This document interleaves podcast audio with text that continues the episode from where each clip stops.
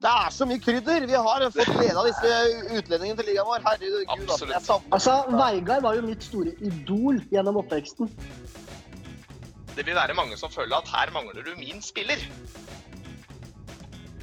Det er nostalgi der, og sjel og varme og glede til norsk fotball. og Afrikanerne har gitt oss mye glede.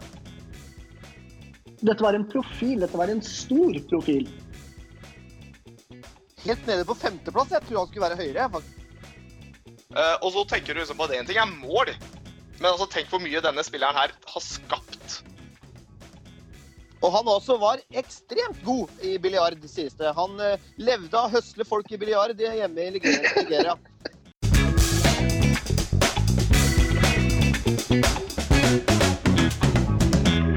Velkommen til en ny episode av Synseligaen. Jeg vil starte episoden gutter, med å si til dere lytterne der ute eh, at uh, tusen hjertelig takk for uh, alle hyggelige tilbakemeldinger dere har gitt oss. Det renner faktisk inn litt koselige ord fra siden der hvor folk melder at dette liker dem, dette syns de er en fin greie, og jeg syns det er hyggelig at folk melder. Det er fint at dere lytterne der ute kommer med tilbakemeldinger. Om det er ris eller ros, så tar vi gjerne imot det. Det er ikke noe gærent i å melde for mye. Vi tar også innspill på temaer. Det er jo noen av temaene som uh, dukker opp i Synseligaens episode med tiden, som vi også har tatt opp og snakket om, som har kommet med tips fra dere. Så det er bare å fyre løs hvis dere har noe på hjertet. Denne uka her så har vi jo avsluttet nå med å spille noen bonusepisoder med alt fra daglige ledere til spillere til agenter til å snakke med NISO selv. Og det har jo vært lærerikt å høre mye rundt der hva som foregår i klubbene. Og det begynner å dra seg litt til. Det gjør det. Det skal vi komme tilbake til, at det drar seg litt til. Først, gutter, vi har lyst til å snakke litt hyggelig prat med dere, for nå er det lenge siden jeg har prata med dere. Og vi kan starte med deg, Håvard. Håvard, du har jo fått litt inspirasjon den siste uka etter at du hørte på Atta Neke, for han hadde jo med seg en datamaskin på, på, tur som en svær murstein og bærte på CM 0102, hvis ikke jeg tar helt feil. Og du har fått inspirasjon der til å fylle hverdagen litt med andre ting, Sagmoen? Du, her hjemme, så når jeg har litt tid til over, så går det både i Fifa Ultimate Team og faktisk, som Atan Eke nevnte, CM 0102. Der jeg har tatt over mitt kjære Brann, kommet til gruppespill i Champions League, men ligger da på playoff til nedrykk til Obos-ligaen. Og det er seks kamper igjen, så jeg svetter litt med å faktisk ikke få sparken uh, av styret i Brann. Heter du Rikard Norling på spillet, eller siden du ennå har hendt der? Nei, nei, nei, jeg heter Håvard Sagmoen. Okay. Så det er, uh, det er, tragisk å skal rykke ned med Brann og få sparken når du har tatt laget til gruppespill i Champions League. Så jeg, jeg har noen uh, viktige seks kamper foran meg. Hmm. Har du analysert da hvem du kommer til å møte der? Hvem er det som er i ligaen der i det året? Som, hvis du gir meg litt info? Du, Det laget som faktisk ligger sist, det er Strømsgodset. Med Jostein Flo på topp. Og så har vi Bryne, som ligger plassen under meg, som også sliter. Laget som topper er ikke overraskende Rosenborg, som var jævlig gode på den tida der. Mm. Så Med Roar Strand i kjempeform, blant annet. Så Mm. nei, det er artig å spille et godt, gammelt spill. Det er en klassiker. Jeg kan anbefale alle der ute. og kjøre på med en gammel CM0102. Det er moro å ha et spill som du bare kan ha i bakgrunnen når du sitter og ser på en serie eller et eller annet. Så Fifa og CMA har det gått hos deg, for å si det enkelt, den siste uka? Det blir litt Fifa CMA og selvfølgelig litt serier og sånne ting. Og så er jeg fortsatt en av de som fortsatt jobber, da. Jeg er ikke permittert, jeg er i full jobb. Og du er frisk, Håvard? Jeg er frisk og rask. Mm, det er bra. det er bra. Du har jo lever, og, lever, nyre og hjerte som en fisk, så det er bra. Du er alt vel med deg. Joakim, hva med deg? Hva fyller du ukene med, hverdagen med? Nei, jeg har jo vært hjemme jeg nå i ganske lang tid, syns jeg. Nærmer seg jo tre uker. Dagene går veldig mye med Jeg har trent mer de siste tre ukene enn jeg noen gang har gjort. Så det er en fordel. Ellers så er det veldig mye Netflix. Um, jentungen er jo her uh, i ny og ne, så det, hun klarer å sette meg litt i aktivitet. Bra. Um, ellers så Ja, den uh, Jeg veit jeg har CM uh, lagra på PC-en, jeg òg. Det er så, å anbefale, altså. Nå, nå, er jeg jo, nå skal jeg få lov til å komme tilbake på jobb om en halvannen uke. Så da får jeg fyre opp CM, så har jeg noe ekstra å drive med i halvannen uke gjennom påsken, tenker jeg. Så chille med det. Du sier Netflix. Du trenger ikke å komme med noen selvfølgeligheter sånn 'Å, du er nødt til å se Game of Thrones, for det er så bra serie'. Alle har sett den. Har du noe, helt, uh, har du noe Dark Horse til oss på, på Netflix? Um, jeg har sett så mange nå, men det er en serie som ikke er på Netflix, men på Amazon Prime, som heter Expansed. For de som er litt sci-fi-orientert. Mm. Den er eh, fryktelig eh, spennende. Det er fire sesonger som ligger ute av den. Så hvis man ikke har sett den før nå, så er det absolutt en, eh, en film å se. Um, så har jeg sett veldig mange forskjellige. Uh, men Peaky Blinders, den uh, på Netflix, det er fet serie, ass. Den har jeg aldri kommet helt i gang med. Det er en serie jeg egentlig har liksom på vent, så jeg veit den er bra. Men jeg må Den er- bare Ja, det er skikkelig bra, skikkelig fet serie. Og så er det liksom det med at det er jo noe ekte òg. Altså, den er jo ikke ekte, det jo, men den er basert på, på England og Birmingham og i gode gamle dager eh, mellomkrigstida. Veldig kul, eh, veldig kul serie. Gangsterserie. Det er fett. Og du Meran, eh, er det Netflix, eller fins det iransk versjon i Netflix som har liksom helt andre programmer der ute som ikke vi vet om? Noen skjulte perler? Nei, det går faktisk i, i Netflix eh, her også. Jeg vil anbefale Tiger King, som jeg akkurat sett ferdig nå. ja, Det er akkurat tenkt å si. Den, den har jeg fått kik- kikka litt grann på. Det, det er mye sjukt som skjer der. altså. Jeg ser den sjøl. Det er Ja, cowboys. så går de Jeg er jo eh, for min del, altså er jeg jo litt på jobb, eh, mye hjemme. Eh, Så jeg sitter mye på YouTube.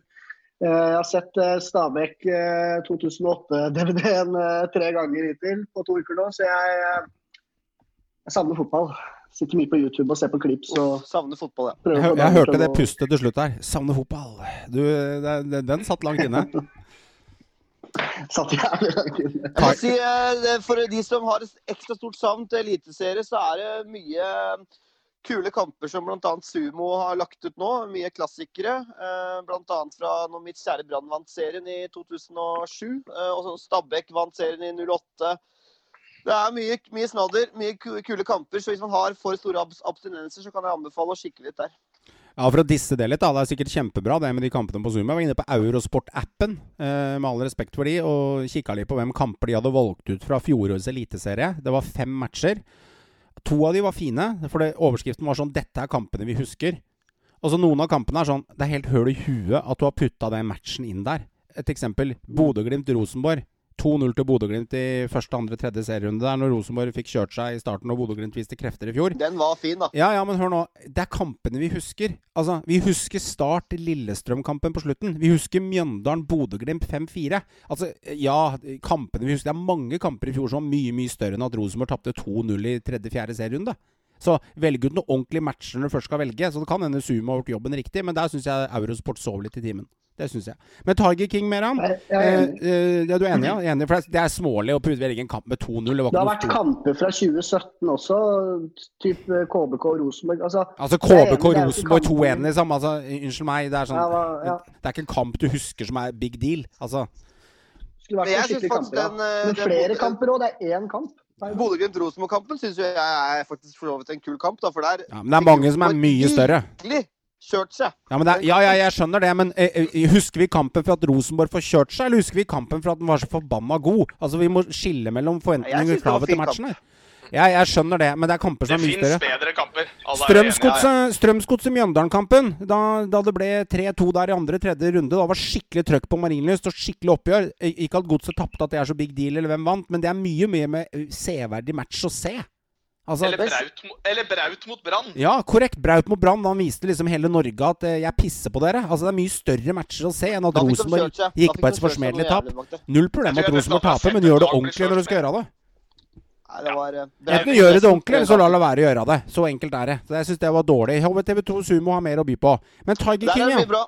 Heier du på er noen med, i heier du på noen i Tiger King? Altså Du får alltid en favoritt når du sitter og heier på. Jeg syns jo han Joe, han derre gærningen du- Altså, han er jo helt cowboy. Men har lagt merke til han Joe ene Exotic er jo gæren. Men Ja. jeg, jeg, jeg, er mer på, jeg er mer opptatt av plot-twisten. Jeg tror Carolkin eh, kasta sin eksmann til Tigerne. Det er det jeg tror. Ok, du, du liker å tro på sensasjonslystne, er det du sier? Konspirasjonsteorien er det, og jeg, jeg, jeg tror det. Jeg tror Carol Baskin Det skal bli undersøkt nå. Saken skal reåpnes. Carol Baskin eh, tok mannen sin og kasta han til Tigerne, tror jeg. Ok. Det er sånn det er. Du, eh, det er hyggelig å høre at dere, dere sysselsetter med ting. Sjøl har jeg jo eh, hatt hjemmekontor. Jeg har jobba og stått på i Jeg jobber i byggebransjens selskap, og der har jeg jo sittet hjemme og ringt forhandlerne våre og hjulpet de med det de trenger, og sørget for at alle kontaktnettene blir opprettholdt. Så har jeg sett litt nyheter og fulgt litt med den siste uka. Jeg ser jo at USA sliter. Sverige er på vei rett ned i rennesteden. Jeg registrerer at Norge har det ganske bra i disse tider, og jeg er stolt av det den norske regjeringen har klart å levere av krisepakker. Og så hører jeg på litt podcaster også. TV-serier ser jeg selvfølgelig ta. Ikke spilt CM, Håvard. Eh, takk for oppfordringen. Men øh, hvis du skal høre på litt andre typer podcaster enn fotball, da, for det er lov å anbefale litt der, så har jeg to podcaster til dere der ute hvis dere er interessert i litt øh, økonomi. Og det ene er Pengepodden. Nordnett sin, Nordnet sin egen eh, pod. Veldig, veldig bra. Og aksjesladder, hvis dere skal ha litt trøkk over linja med litt cowboyvirksomhet. Dyktige karer som melder og mener ting fra veldig, veldig basic nivå, og de er dyktige, men samtidig så gjør de det ufarliggjør de det. Så Aksjesladder og Pengepodden er to strålende podkaster der ute som jeg syns er bra. Håvard, vær så god. Apropos podcaster, så syns jeg det er deilig i disse fotballabstinenstidene at uh, Eurosport faktisk slipper mange podder nå. Det, det er fint med litt uh, påfyll. Uh, ikke alt er kanskje like relevant og interessant, men jeg syns de er i hvert fall gode på å slippe podder så å si hver eneste dag. Og det skal de ha i hvert fall cred for. at de, de de sitter ikke hjemme og later seg, de er på jobb og har en del interessante gjester. Så det syns jeg er fint. Det er en god tilbakemelding til, eh, til Eurosport. Da mener du indre bane, ikke sant? Selvfølgelig Euro, indre bane i Eurosport, ja. Indre bane gjør det på sin måte. Synseligaen gjør det på vår måte. A-fans for fans. Det er mange måter å melde på. Dette var eh, elleve minutter med litt glede om hva dere driver med i hverdagen. Da går vi rett på, gutter, og snakker litt om dagens temaer. Første tema er eh, Det er ikke kaste under bussen, det er ingenting. Det er på en måte Jeg vil drøfte det litt, og så vil jeg høre litt hva dere mener. Strømsgodset har jo nå blitt enig med Drammenspatriotene, som har vært inne i klubben der i en 15-17 år, om å avslutte samarbeidet. og Totalpakka var på en 10 millioner kroner. Det lå ulma litt i veggen på hvor mye denne pakka var på. Mange snakket jo om at den var på 2025, og noen snakket om at godset skulle gå konkurs, og noen snakket om at de ikke skulle betale, og noen snakket om at dette må de gi fra seg. Det er mye delte meninger der ute. De ble enige til slutt. Eh, jeg føler den har gått ganske stille og hen forbi. Jeg føler Godset og Drammenspatriotene har gjort en god deal sammen på 10 millioner kroner, som betales i avdrag over tid. Det klubben. og Det gjør også at investorene En investor putter jo penger inn for å få penger tilbake. og I fotball er det litt annerledes, for der er det litt følelser i hjertet og supportere inne i bildet. Vi kan jo starte eh, Jeg starter ikke med deg, Joakim, for du har jo hjertet der. Men jeg starter med deg, Meran. og tenker, Hva tenker du om den totalløsningen Strømsgods har kommet ut med der? Nå har ikke jeg satt meg inn i hele saken, men jeg reagerer på at uh, Jeg reagerer på at summen var så høy. Ok. Jeg syns 10 millioner var litt mye. Men, eh, men eh, så har den funnet en fin formel på nedbetalingen. Det skal gå, over tid. Det rammer ikke Strømsgods på noen som helst måte. og Det syns jeg er en, eh, en, god løsning, da. Til syvende og sist. At klubben ikke rammes.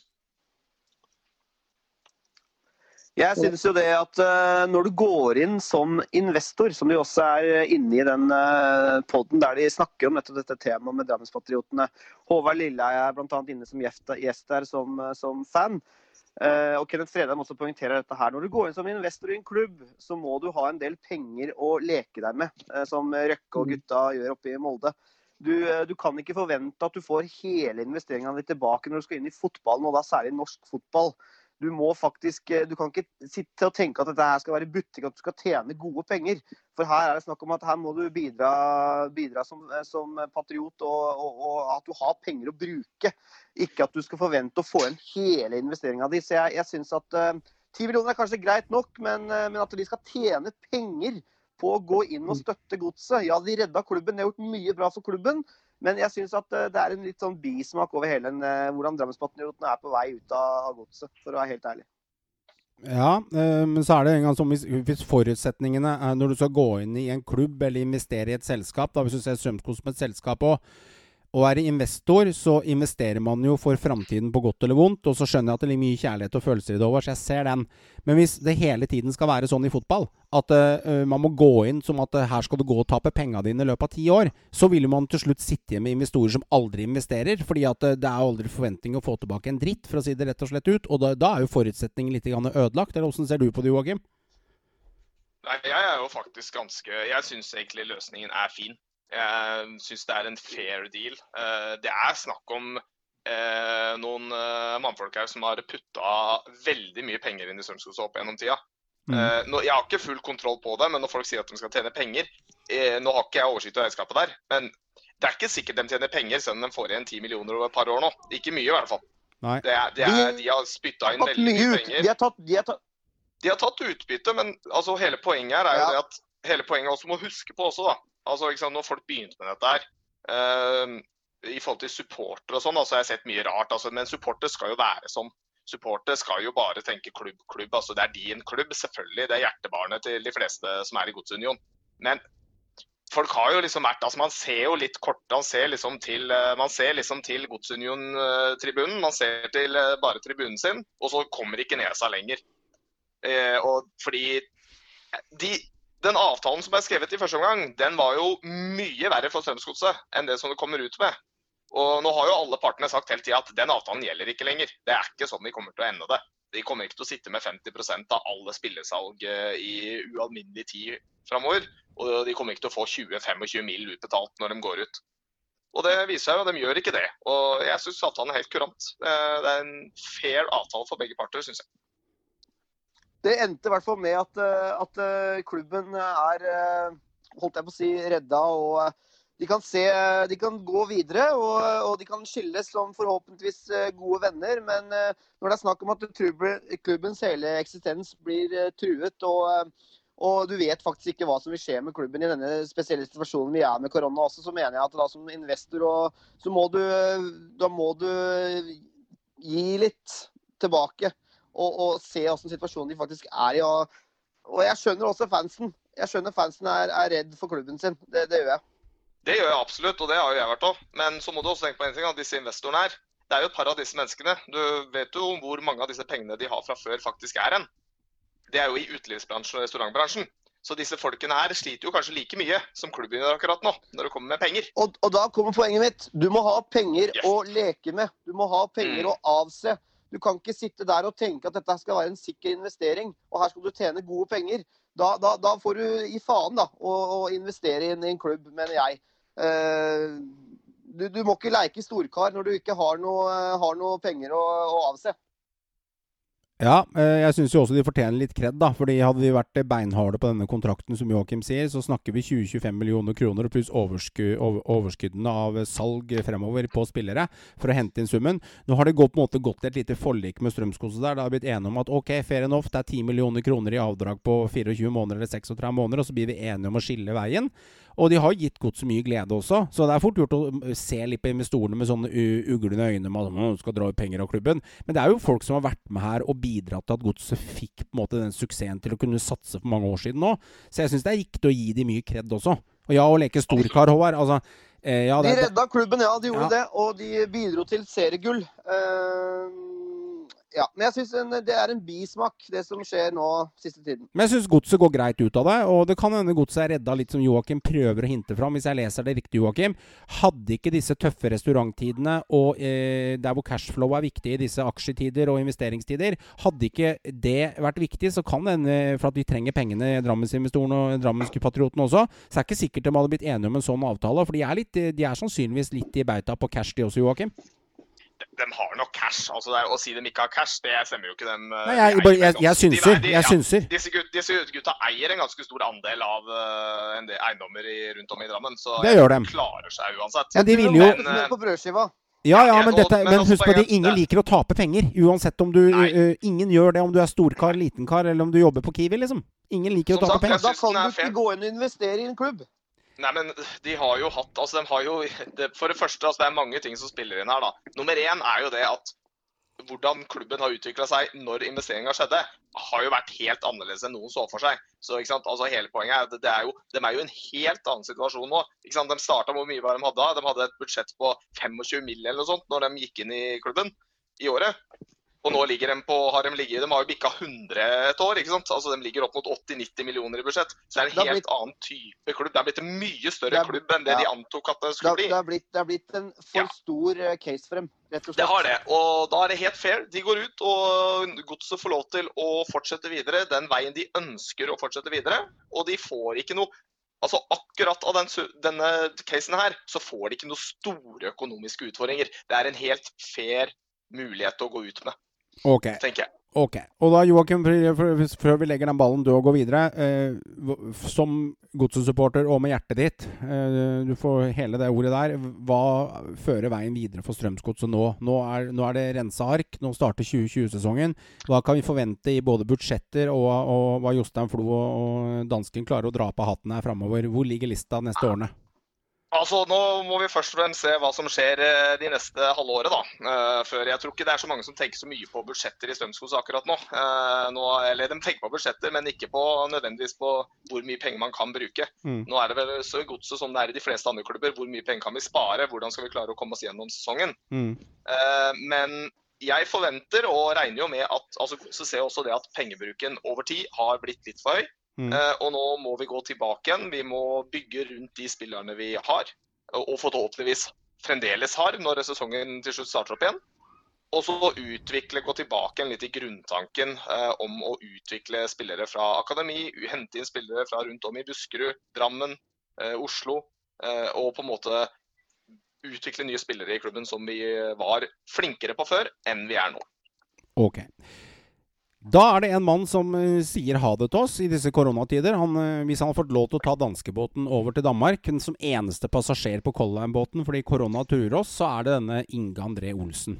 Han legger 22 år bak seg. Dette har vært en type som skal jeg beskrive ham? Fra mitt ståsted så har det vært en, eh, for, altså en type som har vært en pioner. Han har vært en cowboy. Han har vært eh, genierklært. Han har vært dissa, han har vært i media. Han er spennende. Han gjør ting annerledes. Han inviterer til pizzakvelder. Han melder og utfordrer de større klubbene. Han har vært i strupen på Rosenborg, eh, Vålerenga og Molde med tiden. Og han er flink til å se utover Oslo-grensene for å hente spillere både fra Oslo, fra, eh, fra Sverige og fra Danmark, som har litt andre typer navn navn, og er flink til å ivareta også mennesket der ute. Blant annet eh, han har tatt opp spillere som har trengt å ha hatt en periode i Stabæk, for å kjenne og føle og komme tilbake til hektene igjen. Dette er en mann med veldig, veldig, veldig mange sider av seg selv, som, eh, som man skal ha respekt for. Inge André Olsen har også blitt omtalt som at han nesten er større enn klubben. Og at bl.a. blant annet omtalte jeg han som at å miste Inge André Olsen er som å miste tre spillere. Meran, du skal få ordet uh, på Inge André Olsen. Mm. Hva blir Stabæk mm. etter Inge André Olsen, og er du bekymret? Um, å miste legenden er jo Det er klart det blir en helt ny hverdag for Stabæk nå. Uh, altså Jeg har prøvd, prøvd, å finne en sammenligning her, og det eneste jeg kan sammenligne med, er som en skilsmisse. da. Hvor, uh, hvor klubben er kona, og Inge André Olsen er mannen. Nå er mannen det, og klubben står igjen med, med unga, og, unga og barna og huset. Og vi må få driften videre i gang. Vi må finne en ny mann. Eh, og Det er det Tunehold jobber med. og Det smelles nå at de nærmeste dagene så er det en skandinaver klar. Men det er jo klart å miste Inge André Olsen, det i seg selv blir en ny hverdag, og det blir veldig tøft. Det gjør det. Er det noen uh, aktuelle kandidater som er blitt uh, lekket? Er det noen aktuelle navn? Det ryktes, det eneste navnet jeg klarer å rykte meg fram til, er gode gamle Allan Gorde fra gode gamle Viking, dansken. Eh, så, så, det meldes at det er en skandinaver. Det meldes at det er Allan Gorde. Ingandre Olsen erstatter jo Allan Gorde i Aalborg. Altså, og, at Stabæk på en måte mister Ingandre Inge Olsen det blir liksom som at Disney World skal miste logoen Mickey Mus. Altså, det, blir litt sånn, det, det, det, er, det er umulig å erstatte ja. det med det. Eller hva tenker du, Håvard? Inge André Olsen er Stabæk. Altså, Ingrid Olsen han, eh, han, blir jo rett og slett en, det blir en attraksjon fattigere i ligaen. Fordi vi, vi, mister ikke en spiller, men vi mister en eh, cowboy. En eh, legende på mange måter. For å bare skyte kjapt inn, så er jo Inge André Olsen en lovende stopper på CM 0102 i nettopp Stabæk.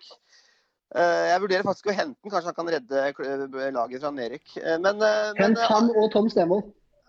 Ikke sant. Men artig med Inge André. Han klarte jo faktisk å trylle litt da, i, rett før han dro. Han henter en uh, spennende signering med Romain Gall fra mm. Malmö, som er en spiller som var på vei til Enga i fjor, som var meget god i GIF Sundsvall eh, for noen år siden, og har blitt dessverre litt borte i Malmö. Der det er stor stor konkurranse. Det, det tror jeg er en bra signering av Stabæk. Og så har de også fått tak i en spennende unggutt fra Sandnes Ulf, Kostadinov, mm. som det lovet. Det så, så, så han, eh, han, rakk å trylle litt før han dro. Det syns jeg var Og, og han har jo også vært Han har jo kasta litt, uh, litt uh, skyts før han også dro, mot de andre klubbene som nekter å selge spillere. Og Stabæk har jo heller ikke permittert en dritt foreløpig. De, de, driver videre, og, og, det tror jeg er mye pga. Inge Andres uh, At han har sittet ved roret og, og, styrt skuta sammen med resten av i klubben der. Mm. Så, så, han har gjort en god jobb i Stabæk. Han kommer til å bli savnet. Mye av det går også på at permitterer vi, så har vi mye salgsverdier som vi taper. Så vi er avhengig av å ikke mm. permittere. Men når det gjelder Inge André Olsen og det siste han gjorde før han dro, det var jo det er jo litt romantisk, da. Men vi henta en unggutt som, eh, som er for framtida. Fire, fireårskontrakt. Eh, Kostaninov heter han. Eh, 17 år gammel. Kommer da etter sommeren. Han er lånt ut videre til eh, Sandnes Ulf. Men så har, vi, har han henta også en klassisk Inge André Olsen, klassisk stabeksignering i, i Romain eh, Goal, som faktisk er da fra USA. Bodde i Frankrike og, eh, og, kommer da fra Malmö, hvor han fikk 25 kamper og skåra syv mål. Offensiv spiller som kan kle wing, tier, off midt. Eh, svært spennende spiller. Jeg ser veldig fram til å se han i aksjon. Veldig teknisk, eh, god på langskudd. Ok, men nå snakker vi om perspektiv på én til eh, fire måneder her. For å trekke det litt lenger, da. Det er mm. godt levert av Olsen, det. Men for å trekke det lenger for å trekke inn deg, Joakim. Hva kan vi forvente oss av Stabæk framover? Må de jekke ned ambisjonene, Joakim? For at det er vanskelig her å finne en med samme karakteren som Inge André Olsen, siden han er så ekstrem? Eller, kan, eller er lista lagt, og dette er det som forventes framover? Altså, Nå spørs det litt hva du tenker med ambisjoner. da. Altså Stabæks ambisjon uh, de siste åra har vel vært å overleve i Eliteserien. Uh, og det er klart, den ambisjonen kan du ikke jekke ned. Da, da, er det litt som å legge huet på blokka og gi opp. Mm, mm. Uh, men um, det er klart de mister en. Men jeg, jeg, jeg, er ganske sikker på at med tanke på den tida han har brukt i den klubben, han har lagt et veldig solid fundament. og jeg tror de som er igjen nå, de vet hva de skal gjøre. Du, du blir svekka, naturligvis. Men eh, jeg tror ikke Stabæk som klubb nødvendigvis at dette betyr at de rykker ned. Det tror jeg ikke. Jeg tror de fint Jeg er usikker der. Jeg er usikker der nå. Faktisk. Selvfølgelig, de kan rykke ned, men det kunne de før sesongstart òg. Altså, det var jo så vidt han har redda henne et par år allerede. Så nei, jeg tror ikke det er så veldig stor forskjell på det sportslige nødvendigvis. Annet enn at du kanskje ikke får inn like mye spennende, morsomme spillere. da. Altså Stabæk har mista litt, men jeg syns at uh, de har klart å hente mye bra. De har uh, faktisk på, i mine et ganske spennende lag og klart å, uh, å få inn en del bra. signerte Bohinen videre, som vi har vært innom før. jeg ser ikke på Stabæk som noe, noe, noe dumpekandidat i, i, nærheten. Jeg tror det er et lag som kommer til å være på øvre halvdel når vi en eller annen gang kommer i gang. Og, og, og ikke minst den jobben som de gjør i akademiet sitt der med å, med å få spillere fram. Så Stabæk eh, tror jeg vil eh, klare seg fint uten Inge André, men selvfølgelig blir det et savn. nå. det kommer til å bli et savn for oss som er glad i norsk fotball.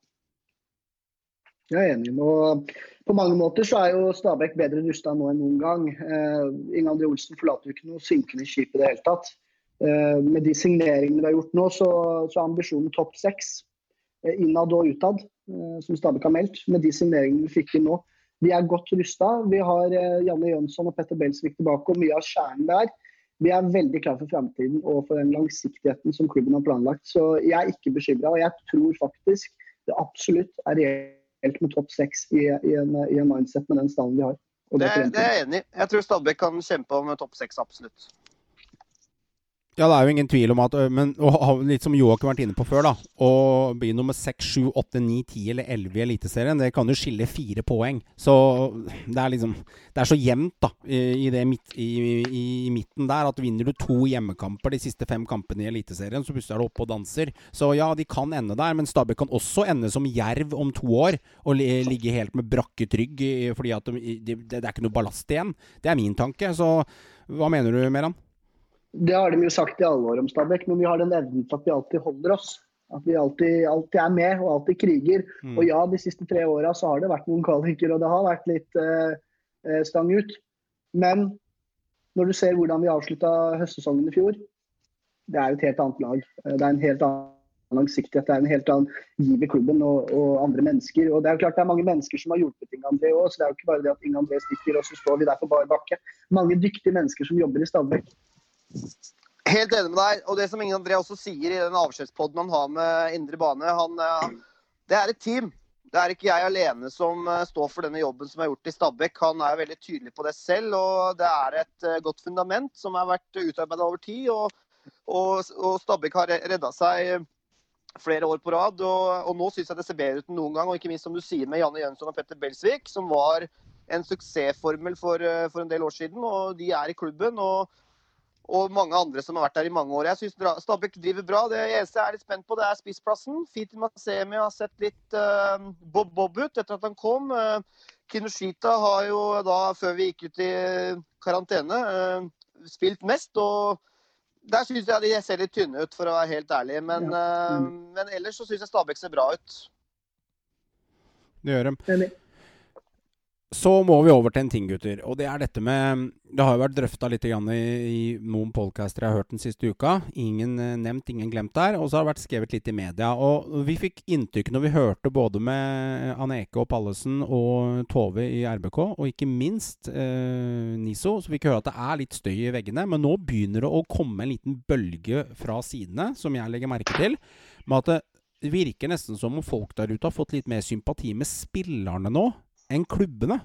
At nå begynner man å gå og forsvare uh, spilleren litt mer enn man forklarer klubbene. For her kommer det en påstand fra meg, før jeg kaster den til panelet. Og det er I starten var det litt sånn Den spilleren som går gjennom muren og kommer til å signere for en annen klubb etter 14 dager, den blir liksom Judas i norsk eliteserie, og det blir liksom permitteringsspilleren. Så kjenner jeg, arrester meg gjerne, gutter, at det har blitt litt sånn Hm, spillerne blir litt mer sånn Kanskje de har rett til å gjøre det? Kanskje det er riktig å gjøre det?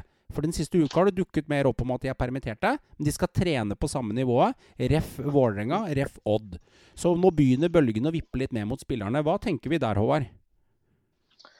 Altså, det er tross alt, som vi har vært inne på i poden med både Aneko og med Pallesen, som som du sier, det er, eh, det er, jobben til spillerne.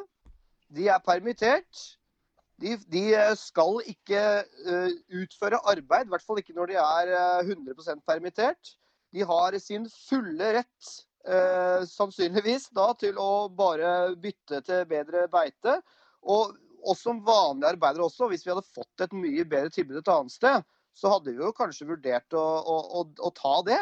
Og jeg, jeg, skjønner spillerne her. Det er, det, er, det er, jobben deres, det er livet deres. De har regninger å betale, de også.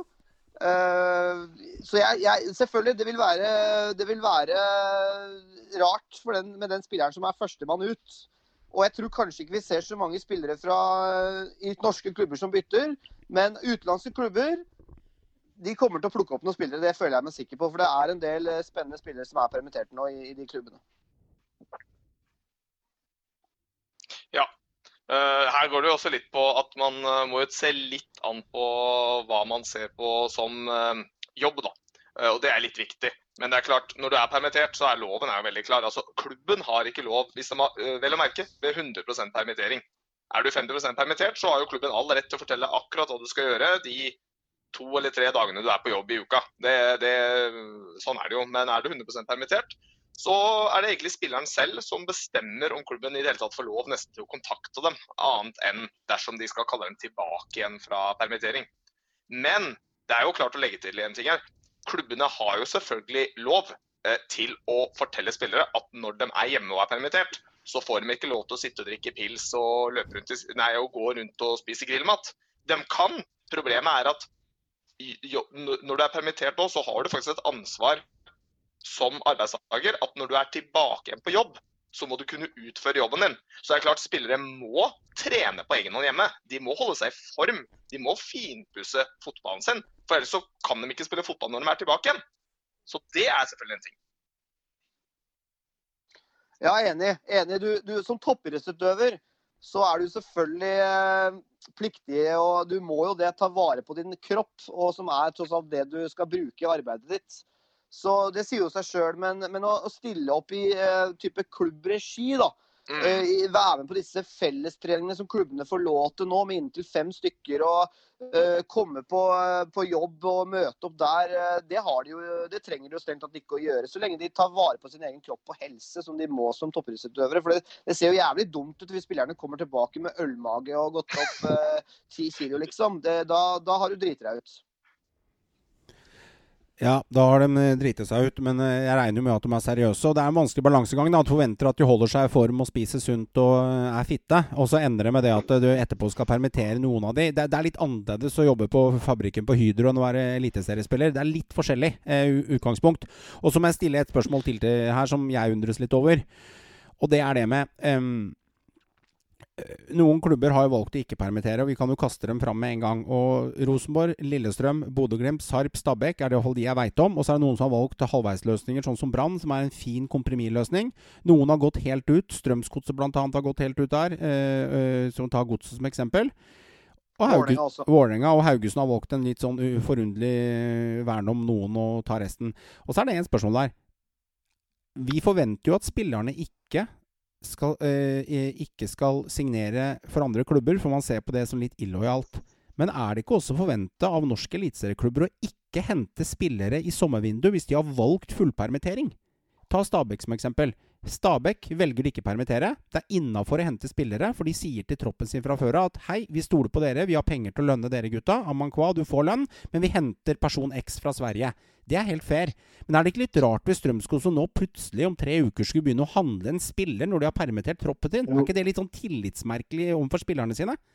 Jeg hadde blitt forbanna hvis jeg er spiller, og her henter du en spiller, en ny stjerne fra Obos, men du permitterte meg for en måned siden. Så det her går det litt sånn på tilliten mellom klubbene. Hva tenker du der, Håvard?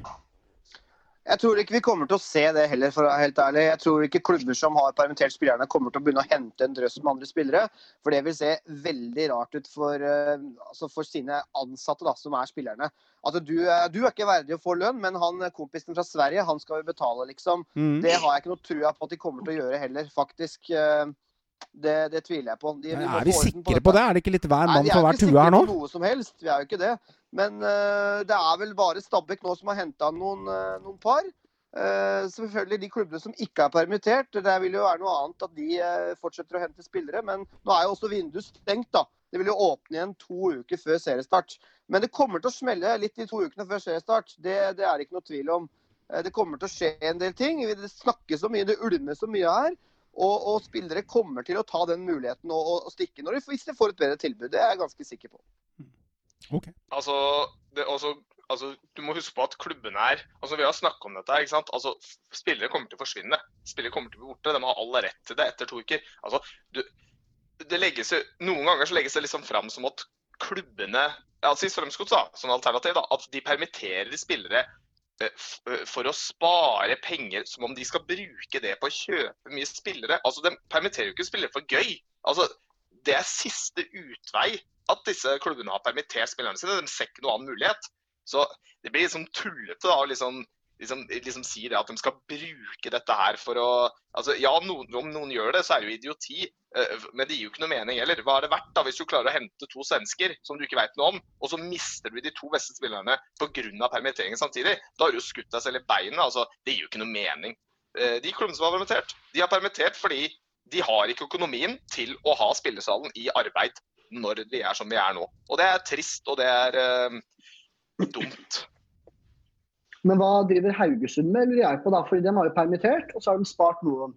Og så får de da bud på da f.eks. Kevin Krygård, millionbeløp som de har fått, og han er ikke permittert. Og så velger de da å ikke selge. Skal de da få lov til å hente spillere når vinduet åpner? Det syns ikke jeg er greit i det hele tatt. Jeg er enig med deg, Meran. Det syns jeg er håpløs håndtering av Haugesund. Hvis du har så dårlig råd, og du føler at du må permittere spillere, så har du da én eller to spillere igjen på kontrakt, og du får et tilbud på denne spilleren som er, som Inge André Olsen sa, markedspris. Eh, da jeg da må du selge, da. Hvis du ikke har penger mm. til å beholde folk på, eh, på jobb. Da, sånn som Stabæk også gjorde for en del år siden. De, de solgte unna for å redde klubben. Ja. Og fordi de solgte Ørnestad Sante, de solgte Issa. Ikke, Issa stemmer. Fordi de måtte, for at klubben skulle mm. klare seg økonomisk. De solgte de om andre når de kunne ta seriegull. For det hadde redda driften til folk som er, er, på jobb. Og da tenker jeg at når du får tilbud, og du sliter økonomisk, da får du takke ja til de penga, da. Ja, helt enig. Og så er det jo litt sånn, eh, for å kommentere det du sier, Joakim, det er måten å håndtere det på, da. Du sier at de trenger å permittere fordi at de er en situasjon som er svår eller vanskelig, eller de er nødt til å gjøre det for de klarer ikke å ta utgiftene sine framover, og det er riktig måte å gjøre det på i tiden. Ja. Men ta Brann som eksempel. Nå tar, bruker jeg de. Jeg syns de har vært superryddige.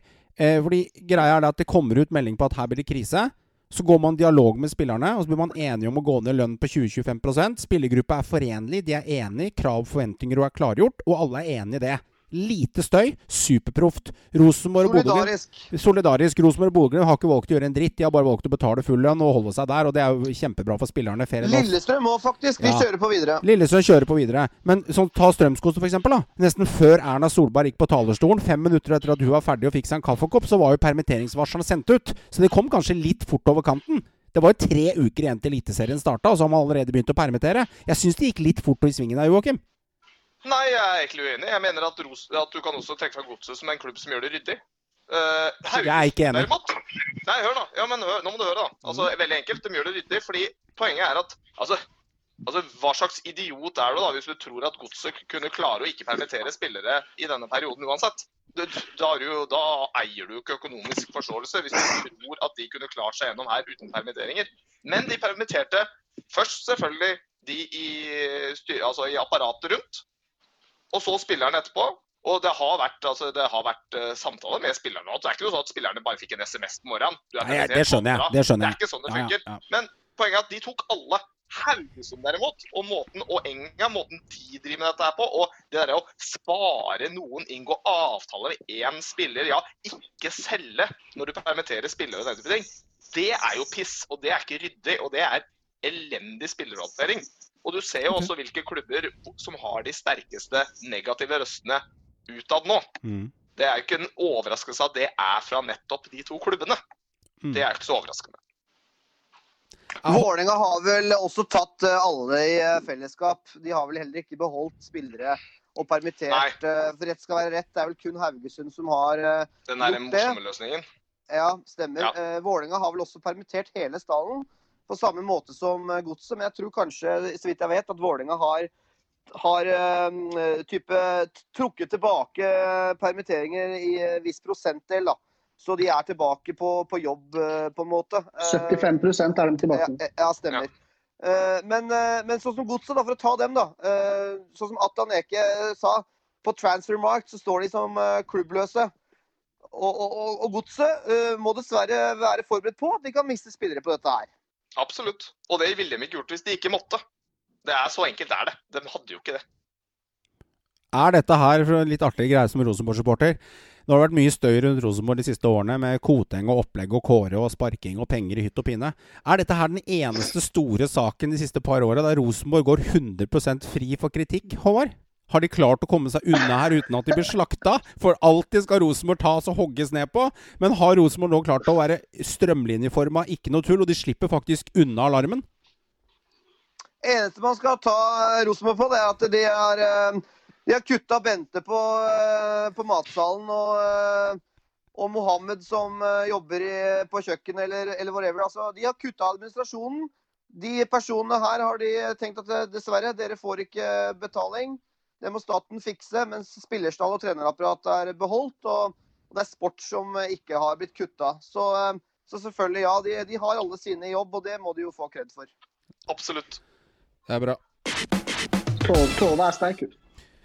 Yes, jeg tenkte vi skulle kjøre litt på en, en greie som dere gutta hadde veldig veldig lyst til å prate litt om. Og jeg kasta meg på den. Syns det var utrolig artig. Em, det er jo sånn disse koronatider at eh, vi må jo diske opp litt med moro og opplegg. Eh, da gjør vi en greie, gutter.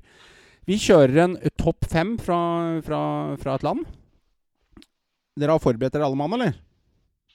Ja, ja. Her er vi, for, her er vi forberedt. Du har ligget i hardtrening ei uke, Håvard. Det er bra. Eh, Meran har jo brukt halve kvelden her på å sitte og eh, drøfte hodet. Det var nesten så du glemte å legge jentungen, du og jeg, Meran. For vi var så mer opptatt av å skrive begge to sammen. enn å- var kjempegira. Ok, vi kjører topp frem fra hvert vårt, eh, hvert, fra, hvert vårt land her. Og så gjør vi det litt enkelt. Dette her, her eh, ut, ute for å lage en stor uh, uh, myldamadu, så er det så ikke sånn at jeg sitter her og veit hva de andre har puttet opp, og ingen veit hverandres lister. Nå lar vi hver person, eksempelvis Håvard nå, eh, snakke om de fem spillerne og bruke tid på det, før man går hodeløs og kaster kniven etter den på at det er uenig eller uenig. Man får lov til å fullføre listen sin. Dette er rett og slett Husk på dette er Synseligaen, kjære lytter. A-fans for fans. Du som sitter og lytter, om du sitter i Elverum eller på Hareidseid eller i Trondheim eller i Stavanger, som jeg veit har mange lyttere, velkommen til dere òg, så er det sånn at dette er individuell mening. Det er ingen som har rett eller ikke rett her, for her går det litt på kjærlighet til spillerne. Og her går det litt på hva man mener, og hva de har oppnådd, hva de ikke har oppnådd. Så det er mange kriterier som ligger til, til, til grunne her. Hvem har lyst til å starte? Kaster ut den. Jeg kan, kan starte, jeg. Joakim, ordet er ditt. Jeg kan starte. Jeg vil bare si Det første som jeg fant ut da når jeg begynte med dette, her var Fy faen, så lite utenlandske spillere som egentlig har vært profil i Tippeligaen. Eller hvor mange Nei, altså ikke, ikke få, men hvor mange norske spillere som liksom har vært dominerende i Tippeligaen. Her er jeg ikke enig. Men Håvard, la han Jeg er snakke. Jo, For noen, profi for noen profiler vi har hatt. Ok, da må jeg, Joakim. Joakim, for å bryte av litt nå. Vi skal sette opp en Ja. topp fem-liste fra eksempelvis et land. Hvilket land har du valgt? Jeg har valgt Island, og det er jo litt artig. Det vil si Fordi at vi må er være islendinger, kjære lytter. Vi kan ikke Det komme være med Helge Haugen her nå. Nei, nei, nei. nei. Det, altså, jeg, har jeg har jo ikke med nordmenn her. Herregud, så kjedelig. Nei, det er, og det er nok av islendinger å ta, for å si det sånn. Dette er kanskje en av de listene hvor eh, det vil være mange som føler at her mangler du min spiller. Det er fint. Eh, for det har vært veldig mye islendinger i Eliteserien opp gjennom tida. og Viking har også hatt noen gode, bare for å si det. vi, har, vi, Den har har, hatt et par gode, for å si vi har sånn. tappa den øya fra spillere Ja, i det mange har år. vi. Så jeg må jo si, det kommer selvfølgelig til å være mest fokus på Altså, jeg er bare 32 år. Det, jeg jeg veit ikke så mye om eh, Det kommer ikke mange spillere som var store på 80-tallet, det kan jeg si med en gang. Men jeg har prøvd å gå litt tilbake i tid òg. Ok. Spennende. spennende. Ja. Eh, så jeg går rett på femteplassen. Vi bygger oss oppover. Det er vel riktig måten å gjøre det på. På femteplass så er det litt artig igjen. Jeg bare følte at eh, han hadde veldig kort fartstid i serien. Men Mm. han fortjener å være her likevel, og det er eh, Vidar Ørn Kjartansson. Han får plass på min topp fem rett og slett pga. det. Han skårte 25 mål på 29, uh, på 29 kamper. Altså, Mm. det er, altså det er helt Og når den spilte, det var en fryd å se han spille. Han skårte jo mål. Med en gang han fikk ballen, så var det mål. Den sesongen han spilte der, så skårte Enga totalt 40 mål. Helt nede på femteplass. Jeg tror han skulle være høyere, faktisk. Nei, Men la Joakim prate nå. Vi har nok tid til å diskutere. Han må få kjøre lista si. Han får den ene og alene. Altså Som spiller så er, er det jo fantastisk, men det var liksom Det var én sesong. Eh, han har liksom ikke gitt noe over tid. Og Mm. de navnene som kommer høyere opp her, der er det litt mer, eh, litt mer kvalitet over tid, da. Men som hvis du tenker bare på hva han ga i én sesong Hadde det vært én sesong, så hadde han vært helt på toppen. Det sier seg selv. Fantastisk fotballspiller. Og han har gjort så mye artig etterpå. Kina, Russland, Israel. Fyren, eh, fyr- fyren har vært rundt og tjent cash. Men uh, veldig morsom spiller. Fin. Så han får femteplassen, Mm. uh, rett og slett. På fjerdeplass uh, så har jeg valgt Bjørn Berga, Bergman Sigurdsson. Sigurdarsson. Han eh, bøttet inn mål eh, for Molde i 16-17. Han har 123 kamper eh, og har spilt seks sesonger i Eliteserien, så han har levert over tid. Mm. eh, både i Lillestrøm og i Molde. Han, er, han husker han var også skikkelig arbeidsjern. Altså, han var ikke noe sånn fintspiller. Han hadde teknikk, men her var det full fres hver gang han spilte. Og gjorde mye for laget, da. Eh, så en veldig artig spiller. eh, og gjorde mye rom for de spissmakkerne. Og spilte veldig mange morsomme spissmakker opp gjennom tida òg. så han var eh, han får inn femteplassen rett foran eh, Ørn Chartason. Som spiller er selvfølgelig Vidar Chartason bedre. Men eh, han får den. Mm. Tredjeplassen, og da begynner vi å komme inn til litt eh, folk som har, eh, som har litt navn opp gjennom tida føler jeg. Altså. Mm. Trygvi Gudmundsson eh, kommer inn på tredje. Eh, det er faktisk eh, det er faktisk, Han har 60 mål på 142 kamper. Eh, og det går litt igjen på disse islendingene. De har et sykt høyt målsnitt. Det er helt latterlig hvor høyt målsnitt mange av disse spillerne her har. Trygve var god. Han var god. Han uh, jobba godt for Tromsø. Fikk med, fikk med seg et lita, en lita bronse der òg, med Tromsø, tror jeg, Mm. på slutten. Mm. Gjorde Tromsø til et topplag i den perioden han spilte der, på slutten av 90-tallet. Eh, I tillegg så var han en tur innom Stabæk eh, og tok bronse med Stabæk. Eh, og han er faktisk også tidenes mestskårende islending. Altså på Island, da. Ikke i Eliteserien, men på Island. Det er den som har skåra mest mål av alle islendinger. Nå er jeg spent på én og to, for han har ganske bra stats. Så bra plukka. Jeg, Ja, men- jeg, jeg liker han der. For å si det sånn, én og to dem er egentlig for min del selvforklarende. Det var litt vanskelig å velge mellom dem, for å si det sånn. Så det blir kanskje litt overraskende at nummer to det er faktisk Veiga Pål Gunnarsson. Merkelig nok. Men Det var det, skal sies, men det skal sies da, én og to, eh, det er, det, de er, det er egentlig det samme. Eh, Her er det bare litt sånn Må ikke du gå i forsvar her? Du har meldt han som nummer to. Nei da, Jeg støtter nei den. Kjør. Årsak. Grunnen til at jeg putter som nummer to, er for at uh, være litt morsomt. Det hadde ikke vært så gøy å ha Veiga på Gunnarsson som nummer én. Det er litt kjedelig, rett og slett. Men fyren har jo sinnssyke stats. Altså, det er helt latterlig. Han scorer han, han scorer i annenhver kamp. Har ikke han 80 Altså- mål på 170 kamper? Eh, han har i hvert fall for eh, 81 mål på 170 kamper for Mm. Stabæk. Stemmer det? Altså, og han skårer i snitt annenhver kamp han spiller. Eh, og så tenker du liksom på at én ting er mål, men altså, tenk hvor mye denne spilleren her har skapt eh, Assist. for uh, Assist. Altså, I målpoeng så er han jo sikkert oppe i ett målpoeng per kamp. Så Mhm. fyren er helt rå. Eh, er Rå spiller. mas- Mastro på midtbanen uh, var både en av hovedårsakene til opprykket til Stabæk og til seriegullet. Han har liksom vært med på å bygge det laget i to forskjellige perioder. Mm. Uh, og det er altså, mildt sagt imponerende. Uh, han kunne like godt vært på, topp, på toppen, rett og slett. Eh, Har det, men, har det vært en liten tur i både gods og enga også, han har vært en liten tur både i gods og enge. Ikke levert sånn imponerende der, men skåra i begge klubbene. Han har uh, putta mål både for gods og enga. Dette er en spiller Eh, som den så- gangen han gikk til Vålerenga, så skulle han gått til Janne Jønsson Rosenborg. Han hadde spilt hengende spiss, spiss bak Pritchan Ja. den gangen. Hadde han gjort det, så hadde han, vært, hadde han fått enda bedre stats. Han gjorde sin livs tabbe av å signere der. Feil klubb. Ja, det kan man si seg Legenden enig i. Han Han er er, legende, han er legende. uten tvil legende i uh, Eliteserien. Yes, vi er spente. Uh, og da er du litt spent på nummer én, da. Uh, sånn sett. Uh, men jeg valgte det rett og slett sånn fordi jeg ville blande litt. Og det har, sin, det har noe å si òg, da. For på nummer én så er Arni Gautur Arason. Ja. Rett og slett. Mm. Og det har sin årsak til at Arni Arason er der. Eh, fordi Veiga Pall Gunnarsson han leverte i Stabæk, men han leverte egentlig kun i Stabæk. Det var den klubben han gjorde. Mm. Eh, Arason eh, spilte for tre forskjellige klubber, og han spilte mange kamper. Altså Han spilte 80 kamper for RBK, 68 kamper for Enga og 70 for uh, Odd. Uh, og han vant gull med både RBK og med Enga. Eh, han har fått eh, Nixon-prisen eh, to ganger. Mm. Og han kom på årets lag i tre av ni sesonger som han spilte, som keeper. Og det er liksom litt det, da. Å finne plass til f.eks. Vegard Pall Gunnarsson på årets lag, det har litt med det at da kan du putte den inn i én av seks posisjoner. Du kan smelle inn som offensiv midt, på ving, spiss, Mm. og du har mulighet. Men keeperne, der er det bare 14-16 mennesker å velge mellom hver gang. Og når du klarer da det tre av ni sesonger du er i, i Eliteserien, da leverer du. Han har også spilt Champions League med Rosenborg eh, og levert der. Og så er jo det som er artig da, med disse keeperne som er veldig gode. De gjør morsomme feil, og det gjorde Arne Gaute Arason. Han hadde mange morsomme feil. Men skal jeg fortelle hvem andre som hadde det? Som gjør det og har gjort det? Peter Schmeichel gjorde masse eh, helt sinnssyke rare tabber. David Ihea helt på bærtur iblant. Fabian Barthes var kjent Men, for men det. eng, eng, var jo engelsk fotball den her, skjønner ingenting. Jeg, vet vet ikke om det eh, her er engang. en god, er, Sayoba, mener han. en god keeper gjør store tabber og gjør blemmer. Joakim, Joakim, er ikke eh, Gauti Arason den mestvinnende islendingen i Norge? Jo, han er den mestvinnende islendingen i Norge. Og det er liksom der det kommer inn, da. Altså, Det har mye å si.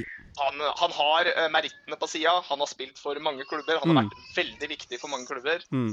Han er en legende i norsk fotball, rett og slett. Han er, han er en legende, han òg, på samme måte som eh, Pall Gunnarsson. Så de to var selv eh, ja, helt, altså, Det kan ikke putte noen andre på toppen der. Jeg må si en ting er der. eh, Ja, jeg må si en ting som er veldig stilig, og det er at eh, jeg husker angående tabber Når han gikk til Vålerenga mot Rosenborg, så husker jeg tilbakespill fra bekken til Vålerenga som eh, kom borti en gressdust på banen, og så hoppa Ja. han over beina hans. Og det var jo selvfølgelig mot Rosenborg i den avgjørende kamp om medalje eller gull der.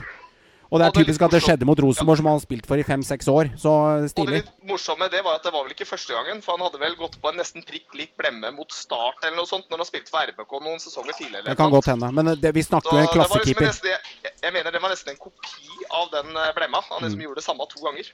Alle keepere Eh, gjør feil, om du er Digea eller hva du kaller han, eller om du er eh, Holmen Andersen i fjerdedivisjon for Elverum, eller om du er Arason. Alle gjør feil. Fin liste. Og, Og bak denne lista så ligger jo både Dadason, Williamson, Gislason. Altså det er jo en haug av islendinger som Ja ligger og snuser der. Men eh, Det- dessverre. Og du glemmer én, da. er ganske safe. Ørn Holmarsson for Rosenborg. Han midtstopperen. Han var også strålende. Ja, jeg, jeg, jeg, jeg er ikke nødvendigvis at jeg har glemt den. Jeg har bare ikke tenkt på den enn så lenge. Ja, altså jeg er enig, han er ikke innafor topp fem. Jeg syns topp fem-lista di var strålende, Joakim. Jeg syns den var kjempebra. Det var en meget, meget god liste. Uh, Meget bra liste. Var det. Håvard, ordet, ordet er ditt, Sagmoen. Jeg eh, vil gjerne høre mer om først. Å ja, du vil ha mer om først, da? Dette her, du dytter Ja, Jeg ballen kan godt gå først. Jeg kan, jeg kan godt gå først. Merando, vær så god. Eh, Ja, Landa var jo valgt, så jeg kom litt seint. Men jeg har allikevel valgt et eh, veldig spennende, undervurdert land. Kjør. Jeg har valgt Costa Rica. Mm. Min femteplass der, der har jeg da en forsvarsspiller. Mm. Mange vil huske han som en, eh, som en bauta. Eh, sterk, hurtig, teknisk. Eh, han rakk da å spille tre sesonger for, eh, for Tromsø. Kom da fra mm, Real Salt Lake. 60, 65 kamper, syv mål. Snakker om da selvfølgelig Douglas Sequeira. Douglas Sekeira. Veldig spennende stopper for, eh, for Tromsø. Han var som, meget eh, god. Som jeg husker veldig godt fra, fra min tid. Yep. Og Det er jo det som går litt igjen på den lista her. Da. Dette er jo da spillere fra min tid som jeg husker i positive fortegn. Mm. Min uh, nummer fire det er da en, eh, en høyrebrekk som rakk da å spille både for Fredrikstad og, eh, og Rosenborg. En veldig hurtig oh, høyrebekk som gikk da han. videre til å til ja, ja, ja, du elsket han veldig, det husker jeg godt. Han gikk da videre for å spille for West Brom. Celtic er nå i Bochum. Han rakk da å, å skåre ett mål i de årene han var i, i Norge. Han skåra for Fredrikstad. Og det her er da selvfølgelig trommestikkeren Christian Esteban Gamboa. Mm, herlig. Eh, min Han var en herlig spiller. Min, eh, min nummer tre eh, Dette er en spiller jeg husker veldig godt. Han var i Norge i mange år. Han var her i, i fem år. Eh, vi snakker da om mannen som eh, med totalt 110 kamper, 33 mål, 16 assists i Eliteserien, 9 mål på 18 cupkamper. Var ekstremt viktig for Ålesund. Og jeg snakker da selvfølgelig om Mikael Barantes. Klassespiller. Hvis han er nummer tre, så lurer jeg på hvem som er nummer eh, to og Ja, det høres spennende ut. Ja, Han, han, trodde, han trodde jeg var høyere opp. Ja. Men Han burde egentlig vært høyere opp, men, men jeg, jeg, jeg velger å, å dere, vil, dere vil se det etter hvert. det er din mening, Meran. Det er du som avgjør den lista Dette er min mening. Eh, en viktig ting å melde er at i 2011 så ble også Mikael Barantes kåra til årets midtbanespiller i Norge. 2000. Han var sjuk, han eh, Barantes, altså. Han var helt vill. Eh, så kom vi, så kom vi da til eh, andreplassen. Eh, en veldig stor personlighet som ikke er blant oss lenger i dag, sa at han var villig til å selge huset, bilen, hytta, men han var ikke villig til å selge den spilleren her. Vi må tilbake til 2009. Spilleren kom da fra OB i Danmark. Spilte to sesonger for Start og var egentlig nærmest gud på Sørlandet de to åra. Oh. En magiker med ball, dødballsterk, Mm. hurtig, målsterk ving, mye assist. Vi snakker om to sesonger, 13 mål, 16 assist og et cupmål. Vi snakker selvfølgelig om Christian Bolaños, som var da enorm. Sånne artister har vi ikke i ligaen lenger. Gikk videre til FCK. Høres bitter ut. Det har vi ikke. Dette var en profil. Dette var en stor profil. Jeg er bitter, vi har ikke sånne Så kom vi da Altså. til min uh... Ja, nå er vi spent. Vi har ikke det, og jeg skulle gjerne sett at vi fikk det. Og han er nummer to òg! Da er vi Dette spennende. er min desidert det, Ja, og Vi kommer da til førsteplassen. Dette her da er min desidert favoritt. Han spilte aldri i min klubb, men jeg sikla etter den. Jeg sammenligna denne spilleren med, med Kaka, om dere husker han. Mm. Eh, rolig, glad, høflig, lojal, avbalansert målpoengsmaskin, kaller jeg denne spilleren her. På 76 kamper for Fredrikstad fikk han 30 mål, okay. 7 assist og 11 mål i cupen på 11 kamper. Alle vet hvem Det det er er. sterke tall. Riktig. Lojalitet fra utenlandske spillere det er ikke ofte vi får se. Men denne spilleren i sin første sesong rykket ned med Fredrikstad og valgte da å stå i front og få klubben opp på første forsøk i 2010. Og spilte også da i 2011 før han gikk videre. Vi snakker da selvfølgelig om Celso Borges. Som er en av de største vi har hatt fra Costa Rica, etter min mening. da. Spiller fortsatt og gjør det OK, faktisk. Mm. Spiller fortsatt. Han gjør det. Han gjør det. Han gikk videre til AIK etter, eh, etter Fredrikstad-karrieren, og spiller nå faktisk for Gustep i Tyrkia. Det gjør Veldig bra liste. Veldig bra liste. Det er bra liste, Meran. Det er, vanskelig, det er veldig bra. Du- har vært på jobb, Meran. Du har jobba i fire uker med lista. Det er godt jobba. Klapp, klapp, klapp. Men eh, jeg, må, jeg må si en ting, Meran. At eh, Ja, det var noen timer i går. Men ja, klart, når du begynner å diske opp eh, Bolanjos eh, og, eh, og eh, Celso, Barantes. Celso Borges, Christian Gamboa blir jo nesten lettvekter i forhold til gutta på toppen der. Men det er jo helt rått å høre den lista der. Altså, vi, Costa Rica det er et land vi har forsynt oss godt fra. Det er eh, tenk deg de vi aldri oppdaga. Tenk deg de vi aldri oppdaga for Costa Rica, som aldri slo til. De popkorna som aldri spratt opp. Alle de gutta her utenom Sequeira spilte VM. Ikke sant? Jeg er enig i topp en femmen din. Vi har jo en fortsatt i ligaen vår, da. Eh, Biff, Bismara Costa, Biffen. Mm. Han er der fortsatt. Biffen! Biffen sjøl! Men eh, Biffen Sagmoen, eh, med- Sagmoen eh, blir, det, blir det meg eller deg først? Siden du liker å Jeg avslutte. kan, kjøre, jeg, kan, jeg kan kjøre. Kjør, Sagmoen. Ordet er ditt. Jeg har da eh, fått en glede å ta, som jeg har valgt selvfølgelig helt selv, Super Eagles, Nigeria. Mm. Et eh, land vi har uh, henta mye bra spillere fra. Og også da med hjelp av vår kjære venn Atan Eke, som har fått eh, mye gode nigerianere inn til norsk liga. Jeg starter med femteplass. Det er eh, en eh, legende i Lillestrøm som heter Nosa Igiebor. Meget god spiller som, eh, som hadde pene stats som da sentral midtbanespiller. Seks- seks- 67 kamper, 13 mål. Og her uh, har jeg ikke tatt med assist, det har jeg ikke tall på, Nei, det skjønner jeg. men, Det eh, skjønner jeg. men han var en, en profil på et veldig godt Lillestrøm-lag på den mm. tida. De traff, uh, traff veldig bra på Nosa, som har en fin karriere i utlandet etter det. Annet vært i Real Betis, eh, spilt i Israel. Og holder det gående fortsatt på et bra nivå, Nosa. Bra. Som var eh, en meget god spiller på den tiden i LSK. Og fikk en eh, kickstart på sin karriere i nettopp Lillestrøm. Fjerdeplass. Der har vi en legende, på godt og vondt. Kim Uju. Som, eh, som da nesten alene redda Brann når han kom fra Nybergsund det året. Og ble, kom fra egentlig ingenting opp til Eliteserien fra, fra Obos-ligaen. Og eh, herja bl.a. mot RBK i 6-2-seieren der han skårte tre mål. For en spiss! Vi har ikke hatt maken spiss i Brann eh, siden. Så Kim Ojo han får fjerdeplassen. Han har hatt en eh, meget spesiell karriere etter han dro fra Brann. Det, det er ikke noe, noe tvil om. Eh, Han er vel klubbløs nå, så vidt jeg veit, men han har vært innom eh, Genk, der han dessverre falt igjennom i Belgia. Han gikk jo da fra en profil fra Eliteserien til Genk og fikk det ikke til der. Har vært innom Lyngby i Danmark og Upjest i Ungarn. Og nå er han klubbløs. Så kanskje det er en, en spiller som Sandefjord burde snappe opp, eller et eller annet sånt. Ja. Jeg vet ikke, Håvard, de innspillene her, jeg vet ikke om Kim Ojo hadde takka disse her Nav-dager med permitteringer og sånn. Sånn der, What's happening? Skjønner du? Han hadde, jeg tror han hadde fått problemer med det, altså. Og det er bare å gå inn på YouTube og se noen legendariske intervjuer med Kim Ojo. Han har levert til gangs både på og utenfor banen i norsk eliteserie. Så er det Nybergsund-intervjuet er helt sjukt. Han måtte vaske ja, toalettet, og det og. Bob Marley og Gud og mamma, og det er ikke måte på hva han uh, leverer. Han, han er en, en, en, eh, en type jeg savner. Men jeg tror det er mye hjerte og sjel, my, det er mye hjerte og sjel i Kim Ojo. Han vil ting bare godt, tror jeg. det er det. Og han også var ekstremt god i biljard, sies det. Han eh, levde av å høsle folk i biljard hjemme i Nigeria- Okay. Det var hans eh, starten på arbeidslivet hans. kjør vei. Høsle folk i biljardspill, det var han god på. Og så har vi da nummer tre.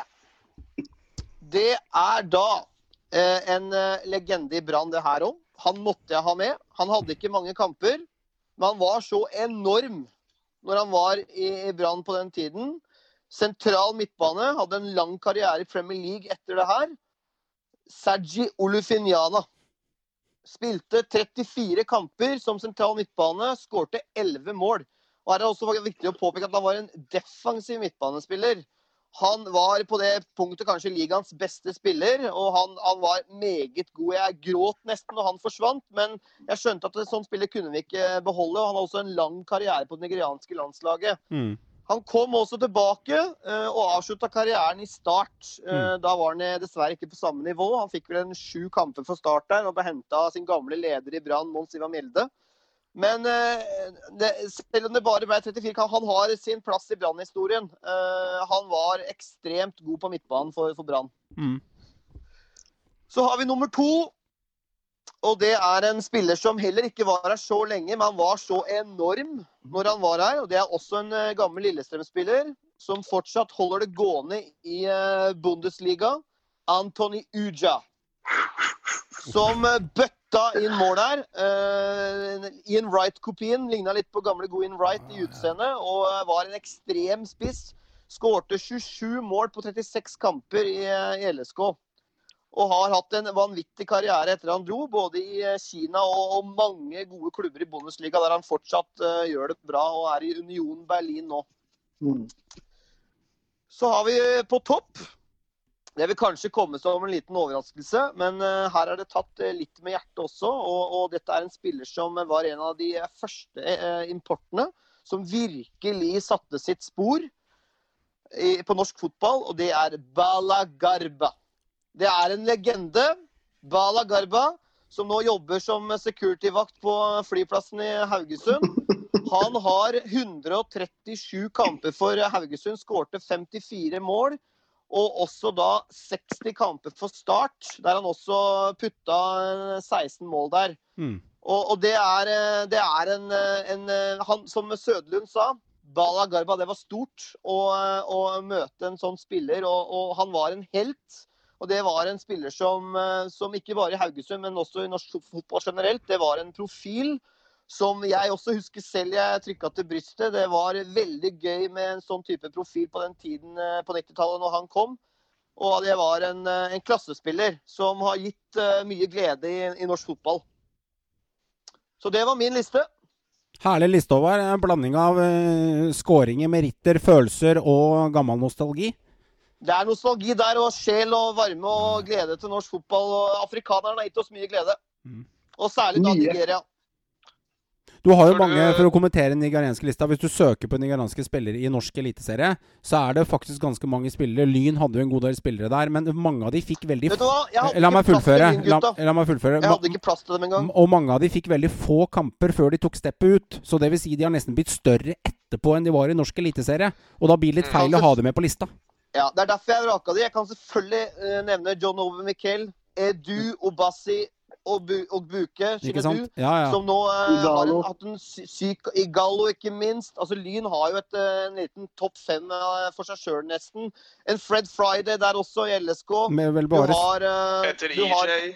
Peter EJ, ikke minst. Han var jeg veldig nære på å ta med. Han burde Mm. nesten ha vært der. men Han hadde vært på min med- liste, men jeg skjønner hva jeg du mener. Jeg tok det litt med hjertet også, med de Brann-gutta mine der. eh, fordi de var så gode og så viktige.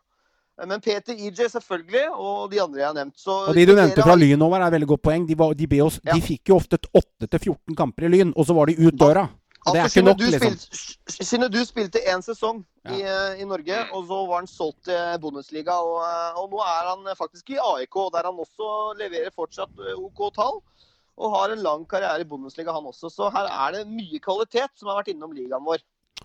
Vi bare, bare skyter kjapt inn før Johan tar sin liste. Ja. 0,75 mer han. Hvis du tar med assist, så er det snittet til Pall Gunnarsson per kamp. Det er voldsomt. 0,75 målpoeng. Er han er Det er eh, sjukt. Det er så mye krydder! Vi har fått glede av disse utlendingene til ligaen vår. Herregud, altså. Absolutt. Jeg savner Altså, Veigar var jo mitt store idol gjennom oppveksten. Det er den største barndomshelten jeg har hatt. Mm. Mm. Det skjønner jeg. og og Johan tar lista di. Jeg skal ta, jeg skal ta Sverige, gutter. Altså, dette var ikke lett. Spennende. Jeg må si, dette var Nå har vi krydra med Nigeria, vi har toppa opp Island her, og så har, og så vi har dratt det meste gjennom her. Og Costa Rica er veldig spennende, men det var ikke lett å plukke Sverige. For at Søta bror, det er ikke lett. det, var, det har vært så mange gode svensker at um, vi, vi kunne holdt på Jeg kunne skrevet en topp 15-liste. Og for oss, altså vi starter med å si følgende Spillere som Farnerud, Linderoth, Wilhelmsen, Christian Schippen Wilhelmsen, de er ikke på lista. Og de er ikke i nærheten engang. Altså, det, er så mange faktorer. Jeg skal ta lista, ikke gjøre det for langt. Gjør det enkelt og greit, gutter. Nummer fem Magnus Turbo Svensson Viking. Dette er en spiller som spilte i Viking eh, tidlig 2000-tallet. Han var dominerende på laget med 104 kamper for Viking. Eh, fikk med seg en to, to og en halv sesong der. Han har blant, annet blitt kåret, offisielt uoffisielt, til tidenes vikingspiller og lokalt. Han har sannsynligvis sett på som er den eh, beste svensken som har eksistert eh, på midtbanen til Viking noensinne. Enormt god på pasninger, enormt god på lesespillet. Han var også kalt inn i EM-troppen til Sverige på den perioden, og Sverige hadde et godt lag. Eh, fikk ikke veldig mange kamper, men han fikk noe, og han er selvfølgelig Kniksen prisvinner i Norge. Han er nummer fem. Og så er han helt nede på femteplass! Ja, han er nummer fem. Det har litt med kampene å gjøre, gutter. Det har litt med litt som Joakim sier, at når du må være Han har 104 kamper. Men det er spillere her med 400 kamper i en norsk eliteserie. Det, det, det, er enormt å ta av. Derfor har han fått en femteplass. Det er helt enormt. Den svenske lista er vill. Fjerdeplass, gutter. Der finner vi Dennis Schiller. 90-tallslegenden uh, Som jeg fant fram, så står han med 230 kamper for LSK. Han spilte ti år i Lillestrøm før han avsluttet karrieren sin i Molde. Han ville egentlig ikke dra til Molde på slutten der, men det var noe med penger og litt oppgjør og litt styr som gjorde at han avslutta i Molde. Silkefot! Silkefot. Typisk klassisk Everton-back som slår perfekte pa eh, pasninger, og så ser, ser han helt deilig ut i ansiktet når kameraet zoomer inn på dette på. Typisk sånn der klassisk eh, eh Everton-back H, skjønner hva jeg mener? Med en sånn nydelig stilbilde. Han har en nydelig fot. Lojal mot klubben. Han fortalte at han skulle være i LSK i to år før han skulle tilbake til AIK. Han ble der i ti og så endte han i Molde til slutt og avslutta der. Han får en fjerdeplass. Vant ikke veldig mye med Lillestrøm. Tok ikke mye meritter eller noen ting, for det var jo Rosenborg som var det store laget på 90-tallet. Men du kommer ikke utenom Dennis Schiller på den lista. Derfor slår han eh, Svensson der, pga. kamper. Og lojalitet setter jeg høyere. Nummer tre Daniel Landskog. Uff. Ja. Er ikke han høyere opp? Nei, det er sjukt. Men la meg prate, da. Ja, ja. ja, ja. Grunnen til at Daniel Landskog ikke er høyere opp, er at han hadde eh, to-tre sesonger der for Stabæk. Står med 147 kamper og 101 mål. Det er den største målmaskinen jeg noen gang har sett i norsk eliteserie, Tippeligaen slash, siden Harald Brappak og Rushfeldt herja. Dette er en kar som scora i blinde. Altså, vi snakker kvalitetsspillere uten like. Men Daniel Landskog står med én tittel. Og det er helt fair, og sørga egentlig for et uh, brått med mål. Men han var ikke her lenge nok til å, ta, til, å, til å ta de topplasseringene. Han holdt på i noen flere år til og vært like rå, ja, da hadde han vært høyere. Men de som ligger over han, de fortjener å være høyere, i mitt hode. Derfor så ja, da, det, er din, det er din liste. Du står fritt til det her. I mitt ja. hode solklart nummer én, men uh, dette er din liste. Ja. ja. Han var her seks år, da. Bare for å ta det. Det er helt riktig. Han var her seks år. Og så, øh, nummer to er dere spente? Veldig. Rade Pritcha. Ikke i nærheten av Dan Nei, det, det, det, er min liste. Det er min liste. Ja, det er din liste. Han, han vant mer, fikk flere kamper for Rosenborg, skåra ikke like mye mål. Men han var ekstremt markant for Rosenborg og står med flere titler. Så jeg baserer titlene til Rade Pritcha høyere enn det jeg plasserer til Daniel Landskog. Så han tar han på titler, men han tar han ikke på antall skåringer. Det er min, Absolutt god spiss. Det er min mening. Og min, han sørga nesten ale, ene alene for de to sesongene når Erik Hamren henta han, for at eh, han var en målkonge de årene for Rosenborg, og stikker av med x antall titler. Det er sterkt. Nummer én er ubeskrevet. Det er ingen diskusjon, mener jeg, i alle sammenhenger. Det er bare sånn ferdig. Det er Mikke Dorsin Rosenborg. Årsaken er enkel.